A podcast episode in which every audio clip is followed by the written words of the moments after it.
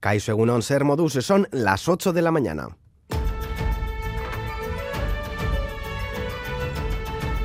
Crónica de Euskadi con Lier Puente.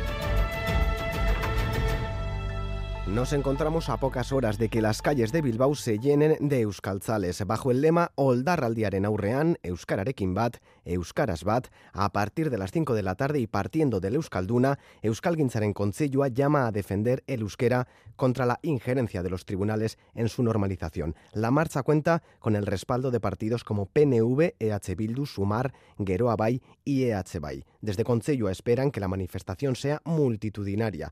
Por el momento se han confirmado 60 autobuses fletados para acudir a esta movilización. Y Isabel.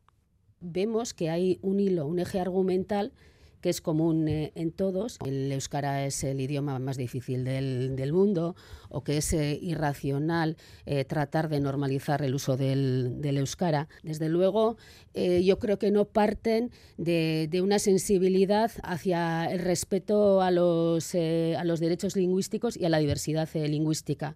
Sí creo que hay un pozo común de, una visión supremacista de las lenguas.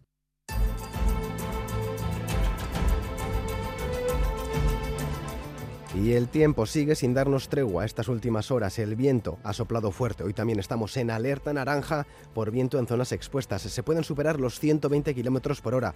Lo más complicado se espera hasta el mediodía, pero además estamos en aviso amarillo por viento en zonas no expuestas y riesgo marítimo costero. Susana Armentia, Egunón. Egunón, sí, la borrasca Domingos ya se deja sentir. El viento del suroeste ha llegado a superar los 100 kilómetros hora esta pasada noche. Hasta las 12 del mediodía sigue activo el aviso por rachas fuertes que en el caso de Álava va a permanecer todo el día. A partir de las 6 de la tarde también se reactivará tanto en Vizcaya como en Guipúzcoa. Y ojo, en este último territorio se han suspendido las salidas de montaña esta mañana y durante el fin de semana todas las actividades en el agua o en la playa como el surf, el remo o la pesca. En Vizcaya se ha cancelado este sábado todo el deporte escolar que se realiza en el exterior. En Navarra la alerta será amarilla en la vertiente cantábrica y en la zona del Pirineo, donde podrían alcanzarse rachas de viento de hasta 80 kilómetros hora y también también está activo el aviso amarillo por riesgo marítimo costero, la mar de fondo del noroeste y levantará olas de hasta 4 metros. Es que ricasco, Susana, pues conozcamos eh, cuál es la previsión meteorológica para las próximas horas. Euskalmet, Jonander Arrillaga, Egunon.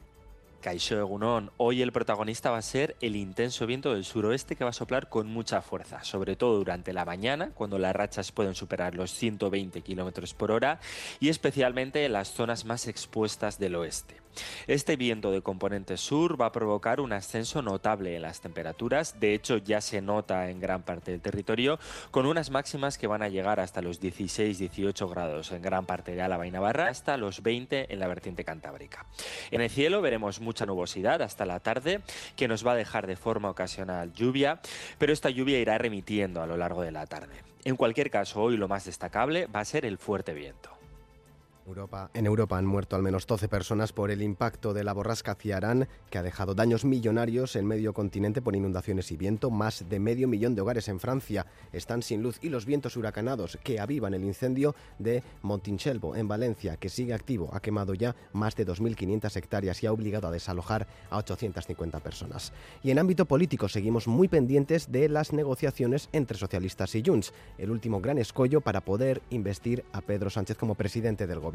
Por ahora parece que todo está estancado, pero la mesa del Congreso ha habilitado todos los festivos y fines de semana de noviembre en previsión de la investidura. En Bruselas, Carles Puigdemont afirma que no quieren correr prisa, quieren aclarar varios flecos de la ley d'amnistia.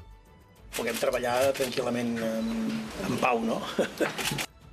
Y la Ertzaintza está analizando diversas fórmulas para intensificar la protección a las mujeres víctimas de violencia machista que se muestran reticentes a colaborar con las resoluciones judiciales dictadas para protegerlas de sus agresores. El consejero de Seguridad, Josué Coreca, ha explicado que se estudian medidas de control directo sobre los agresores, pese a la complejidad jurídica de su aplicación.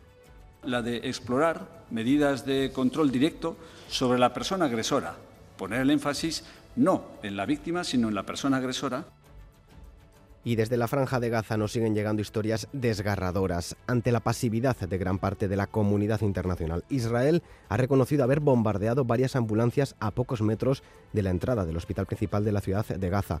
Al menos han muerto 15 palestinos más. El secretario general de la ONU, Antonio Guterres, está horrorizado por este nuevo ataque y ha vuelto a insistir en una petición de un alto el fuego humanitario.